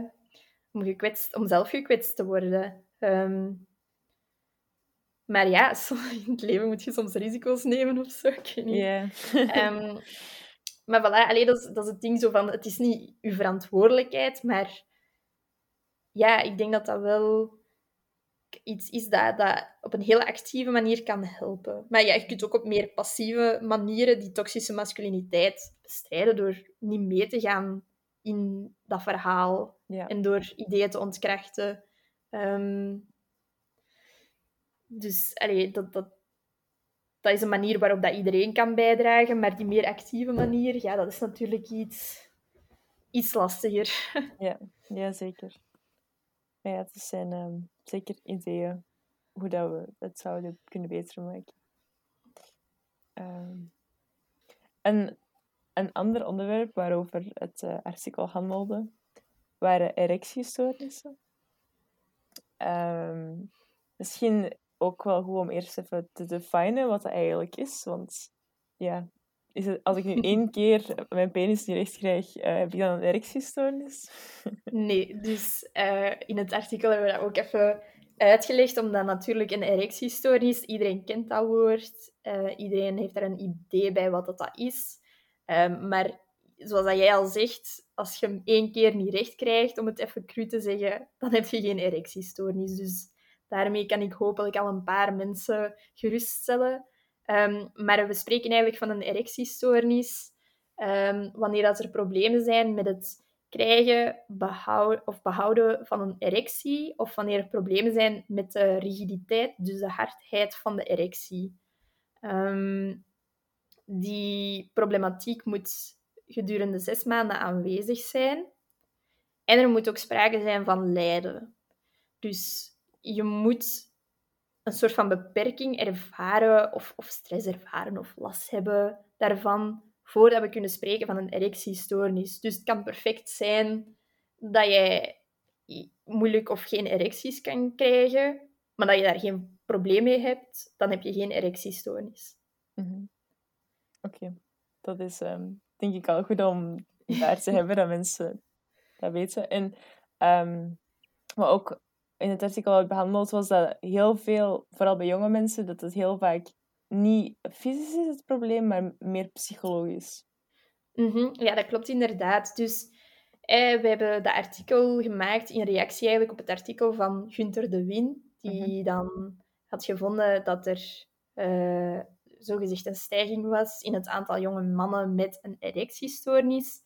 Um, maar uh, dus we kunnen wel stellen dat bij jonge mannen het eigenlijk meestal echt niet om een biologische problematiek gaat. Dus soms dan uh, bij oudere mannen zien we inderdaad dat er gewoon uh, medisch problemen zijn, uh, waardoor dat de erectie niet goed tot stand kan komen of niet genoeg behouden blijft of niet hard genoeg is om bepaalde handelingen te doen. Um, maar bij, bij jonge mannen zien we dat vooral gaat om dingen die quote-unquote tussen de oren zitten, mhm. dus in het hoofd eigenlijk meer zitten. Dat maakt het natuurlijk niet minder echt. Ja. Ehm, dat is eigenlijk ja, even erg.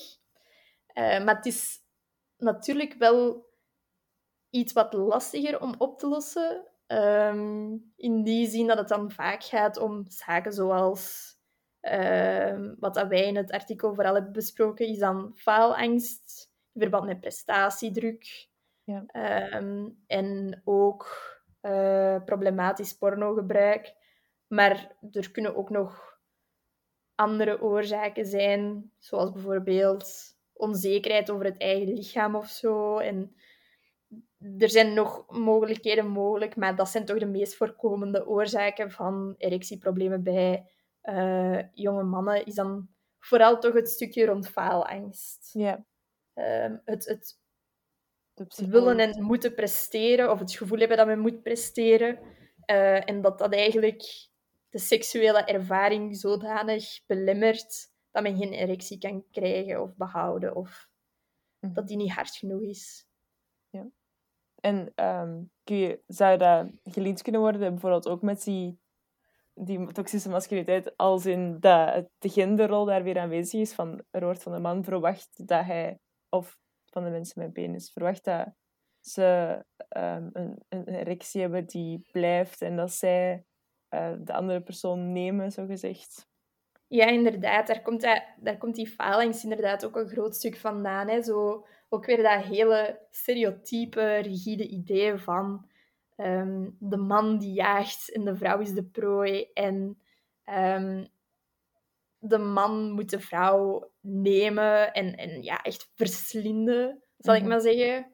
Um, dus dat de actieve rol bij de man ligt en de passieve rol bij de vrouw. Um, en, en ja, dat is natuurlijk heel stom voor de vrouw, dat hij dan precies zo geen actieve rol kan innemen in dat hele stereotype mhm. idee. Um, maar los daarvan legt dat ook wel heel veel druk op de man om te presteren, want de hele seksuele ervaring hangt eigenlijk af van de man. Mhm. En meer specifiek van de penetratie. Ja. Um, en de penetratie ja, is enkel mogelijk als de erectie er is, als die lang genoeg behouden kan blijven en als die hard genoeg is. Mhm. Ehm, als op een van die punten iets misgaat, dan uh, zou dat het script doorbreken.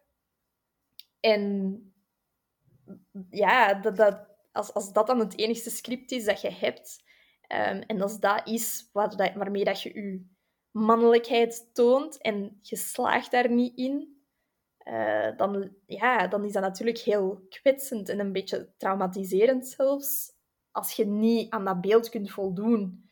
Mhm. En ja, dat ligt ook al vooraf heel veel druk op van oei, ik moet dat hier allemaal gaan doen, want als ik het niet doe, dan komt het niet goed, want ik heb hier de actieve rol. Ehm, en ja, als, als, als ik het script niet kan voldoen, ben ik dan wel echt een man. En, en daar komt ook weer die, ja, die, die beperkte flexibiliteit naar boven van...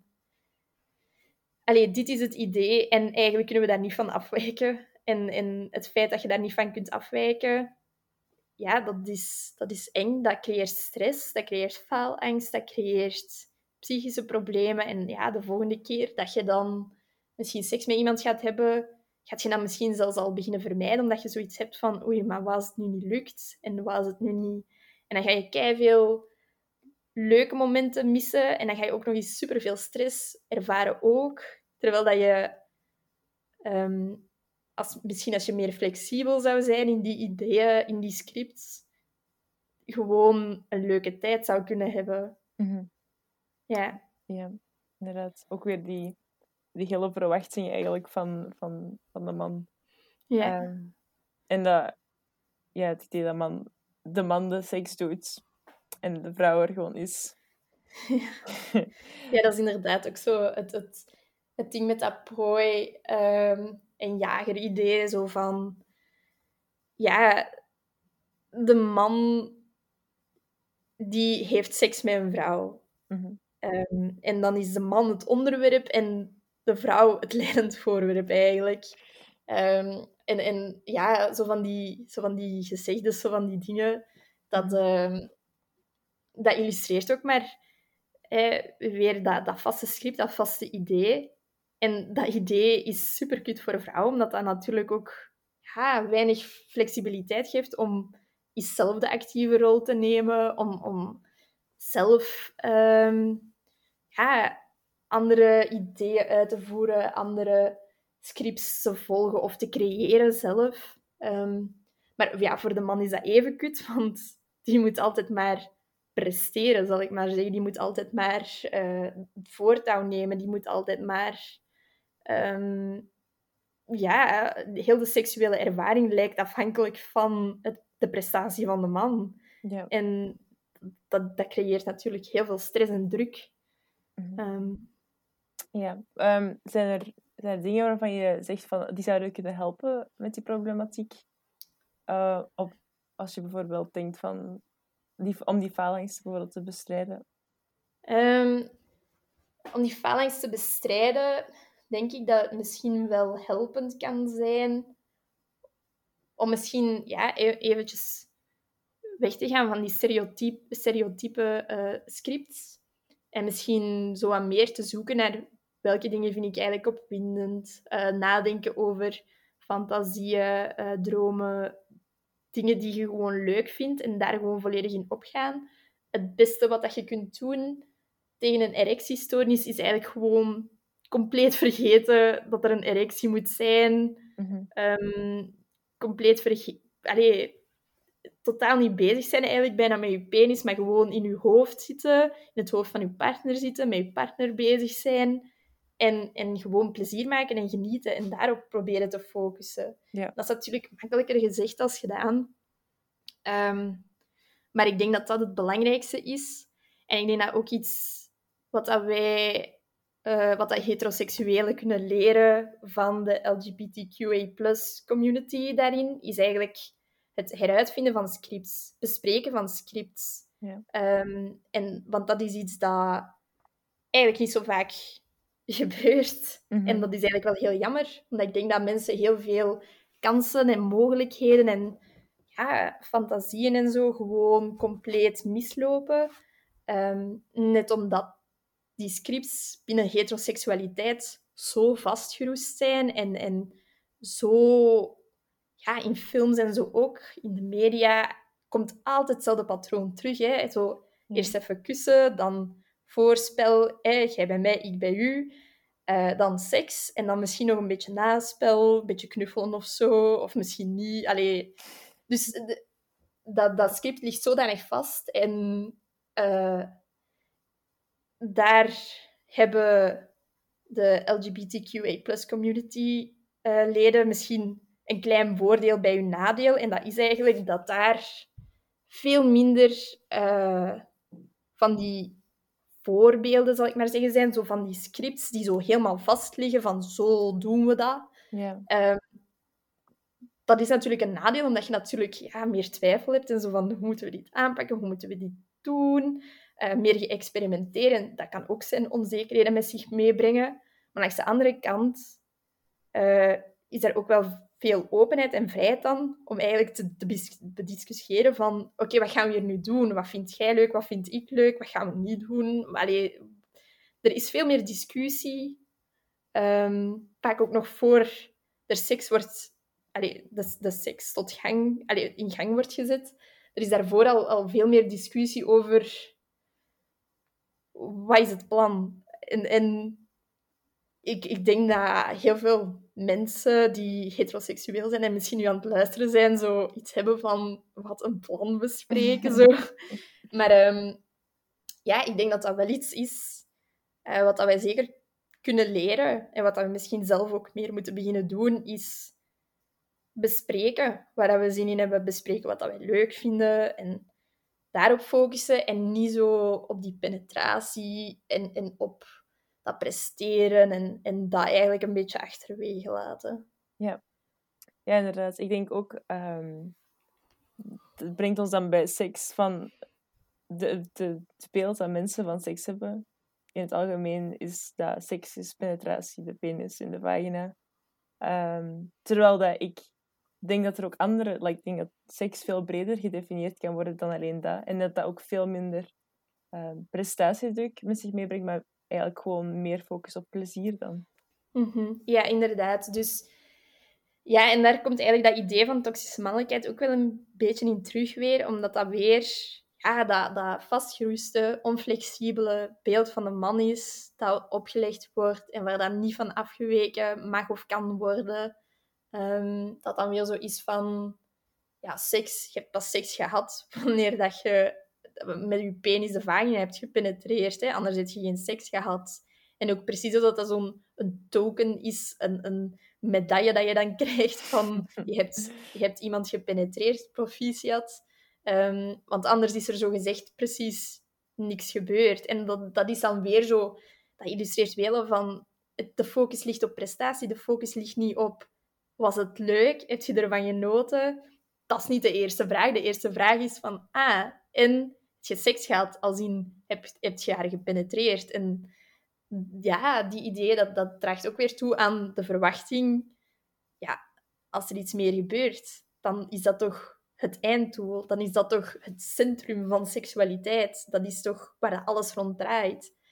En dan, ja, dat, dat is dan misschien wel jammer voor mensen die mogelijk van andere gedragingen veel meer zouden genieten of, of even leuk zouden vinden, maar gewoon wat meer variatie willen. En ja, die, die rigiditeit, die, die biedt die, mogelijkheid, allee, die mogelijkheden niet echt. Ehm, zo heb ik bijvoorbeeld een, grappig, een grappige anekdote van, van bij mij op kot. Ehm, eh, dus er was een, een jongen en die had een one-night stand gehad met een meisje. Uh, en um, ze waren klaar met vrijen. En um, op een bepaald moment haalt dat meisje een mini-vibrator uit haar handtas. En ze vraagt aan hem van, ah, wilt je dat niet proberen? Um, en, en, en hij was zo direct van, nee, waarom vraagt je dat? En hij was een beetje verschoten van, van wat, dat, wat dat, meisje voorstelde. En, en hij was het dan aan het vertellen tegen ons op kot aan de keukentafel. En wij schoten allemaal natuurlijk in de lach. Ik, ik schoot ook in de lach, want dat, dat, ik denk dat veel mensen ook als ze dat zo horen, zo van, oh, wat een situatie. Um, maar dan begon hij zo meer van, ja, maar waarom vroeg hij dat nu? Ik snap dat echt niet. Um, en dan zei ik ook tegen hem van, ja, uh, je weet toch dat de prostaat dat die, dat die heel dicht tegen eigenlijk de binnenkant van uw aars ligt. Dus waarschijnlijk wou zij uw prostaat langs binnen um, stimuleren, want dat kan een fijn gevoel geven. Um, dat is de mannelijke G-spot eigenlijk. Dus mhm. waarschijnlijk wou zij dat gewoon uh, met u uitproberen of experimenteren of zien dat je daarvoor open stond. En ja, dan die blik dat ik krijg is dan zo van... Maar ik ga toch niks in mijn poep steken? Allee, dat is toch...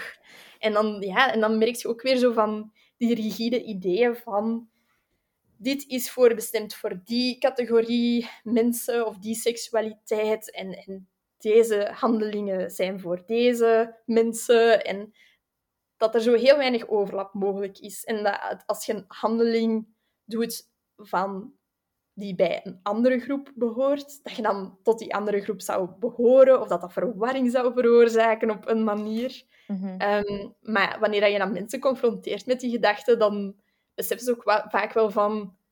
Eigenlijk wel stom. Allee, zo, eigenlijk mhm. inderdaad. Allee, het is niet omdat ik dat zou proberen, dat ik dan ineens... Ja, weet ik veel. Er wordt dan vaak die associatie gemaakt met anale seks en, en homoseksuele mensen. Ehm, ja, wat dat ook natuurlijk niet opgaat en een beetje stereotypisch om te denken van, ah ja, homoseksuele mensen, dat draait allemaal rond anale seks. Dat is weer ja, die focus op, dat, op die penetratie en op, op de penis. En, maar los daarvan uh, toont dat ook weer zo ja, die inflexibiliteit van, oei, Zoals als ik daarmee zou experimenteren, zou dat geen twijfel creëren. Zou dat, dan denk ik, dat is gewoon flexibel zijn. Als je dat niet wilt doen en je, voelt je daar niet comfortabel bij, dan moet je dat niet doen. Maar als de enige reden is ehm, om dat niet te doen, dat je bang bent dat je gaat aanzien worden als iets anders of iemand anders,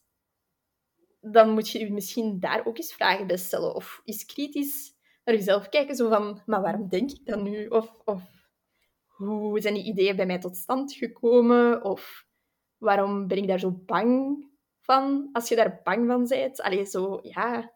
En ik denk dat die vragen vaak niet gesteld worden, omdat dat ook vaak zo vastgeroest is van dit is het idee dat ik moet volgen. En dat wordt zelfs niet in vraag gesteld. En het is pas ja, op zo van die momenten, zoals dat ik met die kotgenoot heb voorgehad, dat je zo ook je eigen, um, ja, zo je, jezelf bewust wordt van de scripts dat je zelf in je hoofd hebt. En ook dat anderen in hun hoofd hebben. En pas wanneer dat je dat begint uit te dagen, dat je zo um, begint na te denken van... Mm, maar waarom denk ik dat nu? En alleen ben ik dan zo... Misschien ben ik dan wel vrij onzeker in, in mijn eigen uh, idee, ideeën of mijn eigen identiteit, als ik daar dan zo'n probleem van maak. Of natuurlijk hoeft dat niet per se, zoals ik al zei, als je dat niet wilt doen. Ik, ik ga hier niet tegen alle mensen zeggen die niks in hun poep willen steken. Zo van, hé, hey, dat is echt niet... Allee, probeer dat gewoon. Als je dat echt niet wilt, dan moet je dat absoluut niet doen. Mhm. Ehm, maar het is wel iets om bij stil te staan, zo van... Ah, dat is gek. Waarom heb je daar zo'n um, tegenreactie tegen? En je moet daar niet per se iets mee doen, maar daar eens over nadenken, dat denk ik dat dat wel al veel kan doen. Mhm. Ja. ja, het is ook zo. Het zou, het zou spijtig zijn als je bijvoorbeeld een heel fijne ervaring zou mislopen door een idee dat rond je zo imposed wordt op je, of door een geïnternaliseerd idee. Dat... Voilà, en dan denk ik, ja, wie weet hoeveel dingen misloopt je, gewoon omdat je zo'n vastgeroeste ideeën hebt. Mm Alleen zo omdat, omdat je dan ja, gewoon direct zegt van nee, dat gaat niet. Nee, dat ga ik niet doen, want dan dit of dan dat. En dan dat je daar eigenlijk niet zo goed misschien hebt over nagedacht. Maar ja, dat zijn dan natuurlijk die geautomatiseerde processen van... Dat wordt je allemaal aangeleerd van zo zit het allemaal in elkaar. En dat is moeilijk om dat af te leren of jezelf volledig bewust te zijn van het feit dat je dat geleerd hebt. Dat dat niet iets de inherente werkelijkheid is of zo van zo moet het zijn, zo heeft de natuur het bepaald of zo op een manier. Mhm. Ehm, want allee, ja, inderdaad, zo ook bij die jongen van wie weet, hoe leuk vind je dat? Allee, dat is dan misschien heel, uh, heel specifiek, dat voorbeeld, maar ja, dat is wel iets om, om over na te denken, hè, van ja, zo, ik ben daar zo onzeker over en ik weet het niet goed en maar wie weet, zou je dat wel leuk vinden. Want ja, het is ook niet, als het dan tegenvalt, dan valt het tegen, dan is niks voor u. Of je moet het zelfs helemaal niet proberen als je zoiets hebt van, nee, ik voel niet. Maar daar, ja, dan nadenken is toch wel belangrijk, denk ik. Zo van, allee, hou, hou, hou ik mezelf tegen als in, ik vind dat niet leuk? Of houdt het algemene idee, wat dat in mij geïnstalleerd is, houdt dat mij tegen? Zo, ja. wat de andere mensen daarvan zouden denken. Mm Houd dat mij tegen of hou ik mijzelf tegen omdat ik dat echt gewoon niet, niet leuk zou vinden? Mhm. En dat is een vraag dat je jezelf kunt stellen. En dan doe je daarmee wat dat je wilt. Maar ja, het is toch wel interessant, denk ik. Ja, ik vind dat ook wel interessant. Ook om gewoon te denken van... Om zo eens al die scripts te proberen afbreken. En dan te denken van, wat, wat zou ik eigenlijk willen als ik, als ik seks heb? Wat zou ik willen als ik intiem ben met een andere persoon? En ja, gewoon buiten, los van de verwachtingen die er zijn. Ja, voilà, want... Ehm, ja, zo'n ander voorbeeld, dat is ook wel zo.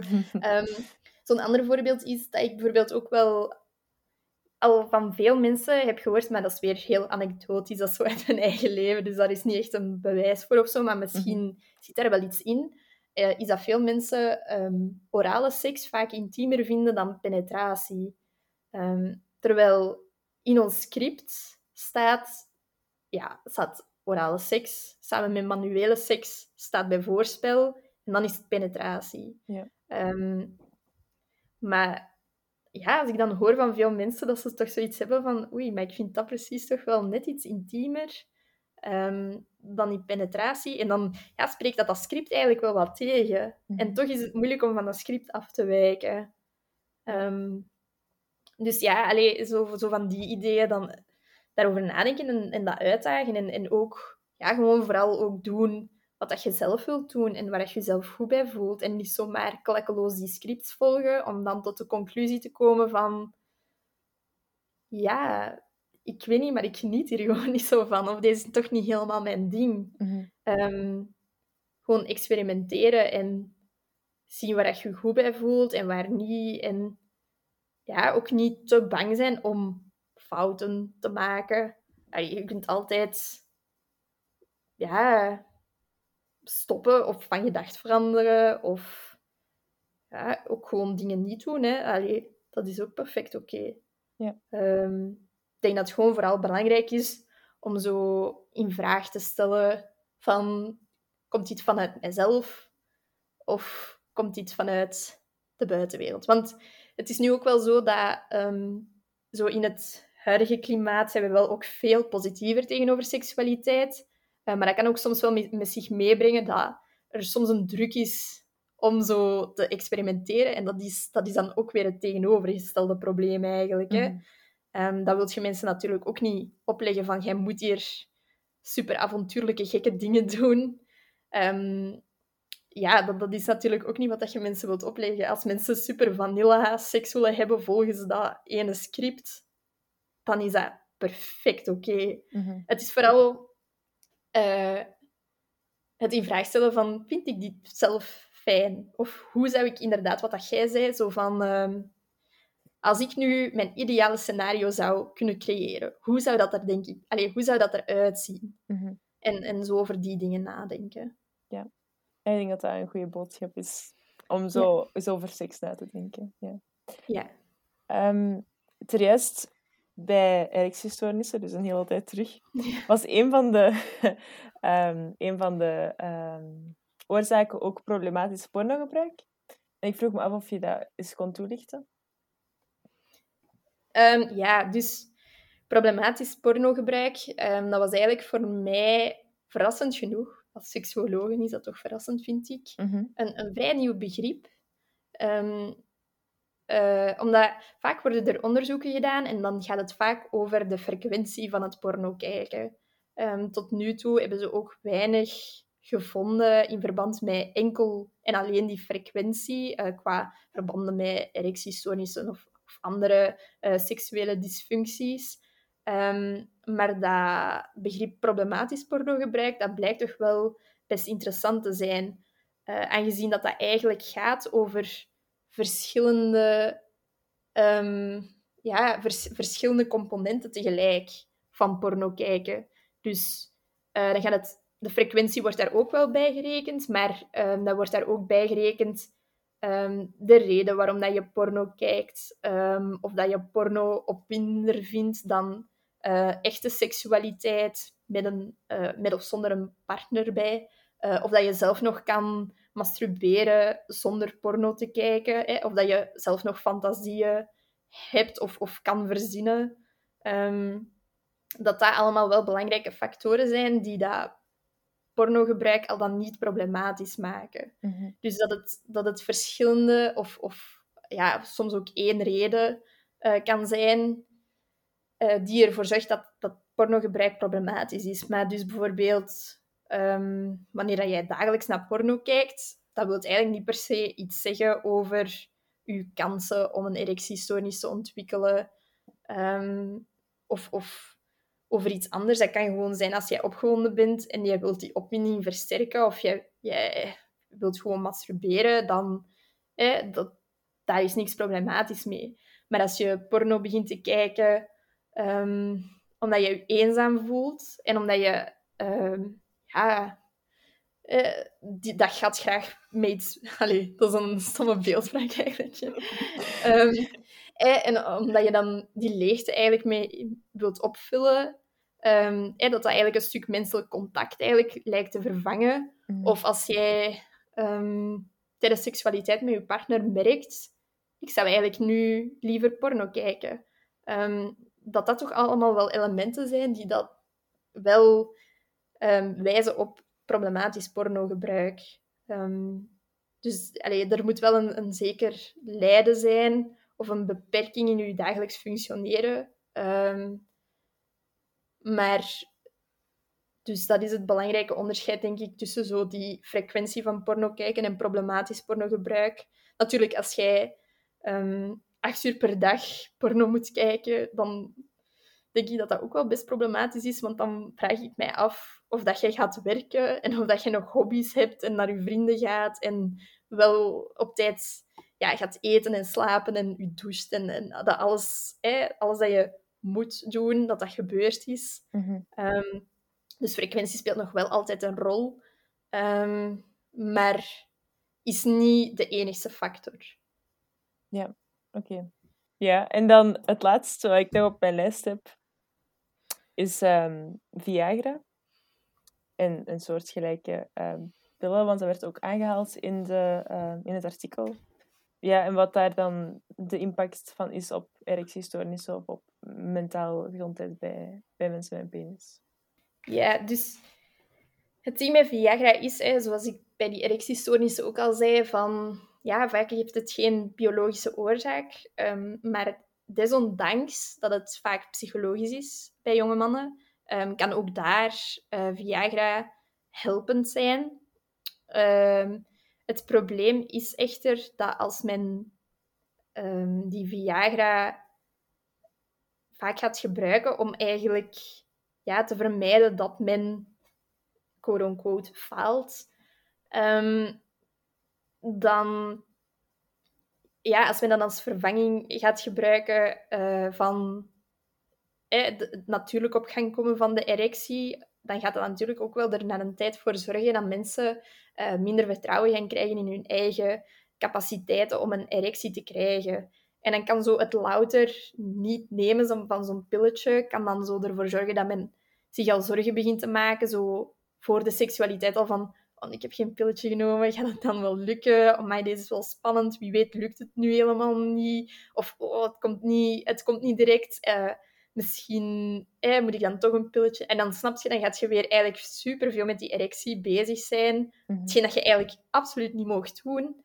Um, gaat je daar weer keihard op focussen, in plaats van bezig te zijn met je partner en met die seksualiteit bezig te zijn. Terwijl als je dat pilletje hebt genomen, dan denken mensen... Ik heb het pilletje genomen, dus het zal wel goed komen. Yeah. En, en dat is zo het ding van een pilletje nemen, dat is... Ja, dat, dat helpt op korte termijn, maar op lange termijn, um, als het een psychische oorzaak is tenminste van die erectiestoornis, dan kan dat er wel voor zorgen dat je eigenlijk een extra probleem hebt gecreëerd, omdat nu denk jij dat je capaciteit afhankelijk is van dat pilletje, terwijl dat je ook zonder dat pilletje een erectie zou kunnen krijgen. Um, maar dat je er gewoon zelf geen vertrouwen meer in hebt. En als je dat dan moet afbouwen Um, eh, Viagra is natuurlijk niet echt verslavend of zo fysiek. Uh, maar als je dat dan mee zou stoppen, dan zou dat er wel inderdaad voor kunnen zorgen dat dat een extra stresserende factor is. Bovenop het feit dat je geen Viagra neemt, want Viagra helpt natuurlijk wel um, met krijgen en behouden van een erectie. Um, maar het feit dat dat dan, dat hulpmiddeltje, dat alles een beetje, dat je een beetje zekerder bent, zo gezegd. Um, het feit dat dat wegvalt, creëert dan extra stress. En dan kan heel het proces verstoord worden zonder dat er echt iets mis is. Of, of terwijl je het eigenlijk perfect zou kunnen als je gewoon... Um, ja, eigenlijk wat dat je dan zou moeten doen is bijna zo een, je, partner zo op een willekeurig moment, in plaats van zo'n Viagra-pilletje, zo een mentosje of zo daar laten leggen en mhm. dan dat eten. dat dat een beetje placebo is, dat je denkt, oh, het is in orde, ik heb mijn pilletje genomen. En dat je dan eigenlijk, zoals dat je altijd zou doen, gewoon bezig bent met die opwinding en dat plezier.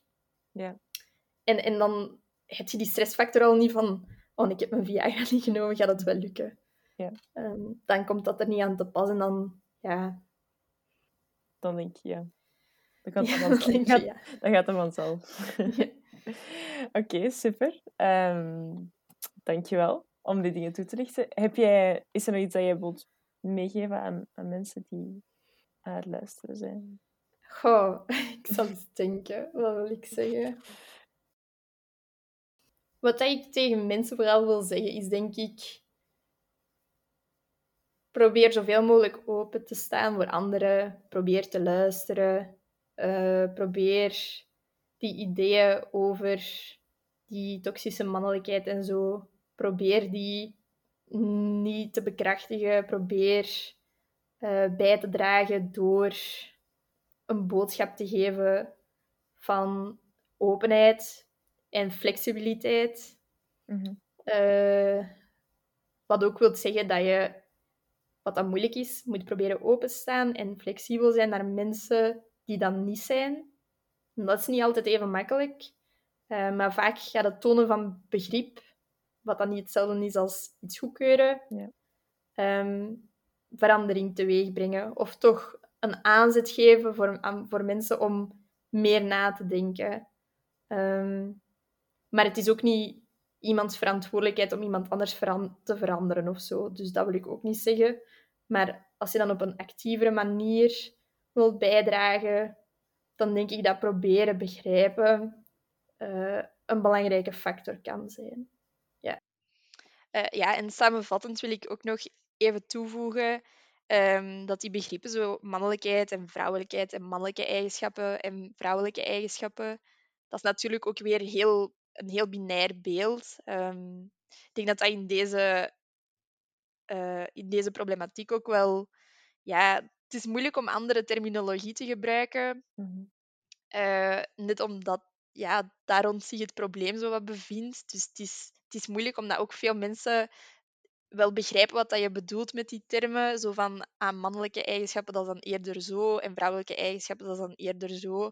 Mhm. Eh, maar uiteraard wil ik ja, op geen enkele manier uh, zeggen dat, dat die eigenschappen uh, typisch zijn voor het mannelijke geslacht en die eigenschappen typisch voor het vrouwelijke geslacht. Of dat er überhaupt nood is dat je je met een gender identificeert, of dat je nu met beide genders kunt identificeren, of dat je niet fluïde kunt zijn in je genderidentiteit. Mhm. Dus allee, dat is ook niet wat ik daarmee wil illustreren, maar ja, die termen die zijn wel een beetje nodig om, om deze problematiek te omschrijven en om duidelijk te maken waar het zich precies bevindt. Maar natuurlijk, alle flexibiliteit, weer al een heel belangrijk begrip hier, mhm. is de flexibiliteit. Dat is uh, het centrale punt. Die, die flexibiliteit, um, ja, dat toont ook maar hè, dat onze terminologie ook gewoon zijn beperkingen heeft eigenlijk. En, en dat we er niet helemaal in slagen om die flexibiliteit altijd te uiten in ons woordgebruik. Ja. Uh, maar ik hoop dat uh, genderfluïde mensen en non-binaire mensen en, en mensen die zelf nog niet zo goed weten um, tot welk gender ze behoren of, of gewoon eigenlijk niet echt willen kiezen of eender wat, allemaal ook super valide. Um, mannelijkheid en vrouwelijkheid zijn ook maar gewoon een beetje constructen. Uh, dus ik hoop dat die mensen zich niet door heel deze rant uh, uitgesloten voelen. Mm ja, het zijn gewoon termen die we gebruiken om bepaalde eigenschappen te beschrijven. En dat is inderdaad los van gender. Ja, het is inderdaad omdat het hier in deze allee, wat we hier nu bespreken, en in verband met die toxische mannelijkheid, gaat het ook gewoon vaak over cisgender, hetero mannen. Mhm. Meestal toch. Ehm, en, en ja, dan, dan is het makkelijk om terug in dat binair zo verstrikt te geraken. Um, maar ik hoop dat bij deze dat ik even verduidelijk heb dat ik, dat ik jullie zie en dat jullie even valide zijn. En um, dat ik hoop dat ik, dat ik uh, gewoon duidelijk kan zijn zonder dat ik daarbij mensen kan, uh, moet uitsluiten of ga uitsluiten. Ja, ja zeker. Dat is uh, heel belangrijk, inderdaad. Oké, okay, dankjewel. Oké, okay, super. Dankjewel, Eline, om hier te zijn. Um, allee, hier, om mij aan de lijn te zijn. En um, ja, dit te gewoon te komen bespreken, want ik denk dat het echt wel belangrijk is dat dit besproken wordt en dat dit taboe een beetje aangepakt wordt. En dus...